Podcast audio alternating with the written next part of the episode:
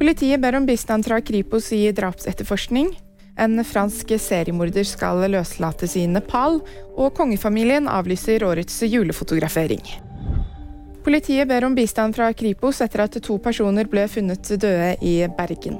De døde er en mann og en kvinne. Varsling av de pårørende pågår nå på bakgrunn av den foreløpige identiteten vi har. Det sier påtaleansvarlig Inger Lise Høyland. Det var i går at to personer ble funnet hardt skadd i Bergen. Politiet vil ikke gå inn i hvilke andre hypoteser de jobber ut fra, eller hvilke spor på åstedet som tyder på at det ikke er flere involverte. En fransk seriemorder blir løslatt i Nepal. Den franske seriemorderen Charles Sobrage, som begikk en rekke drap i Asia på 70-tallet og ble portrettert i Netflix-serien The Serpent, ventes å bli løslatt.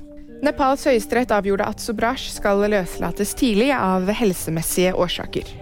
Kongefamilien avlyser den årlige julefotograferingen. Det bekrefter Slottet til Dagbladet. Årsaken er ukjent, men avisen skriver at det trolig er pga. kongens sykdom. Kong Harald ble skrevet ut fra Rikshospitalet onsdag etter å ha vært innlagt siden mandag pga. en infeksjon. VG-nyheter fikk du av meg, Ingrid Alice Mortensen.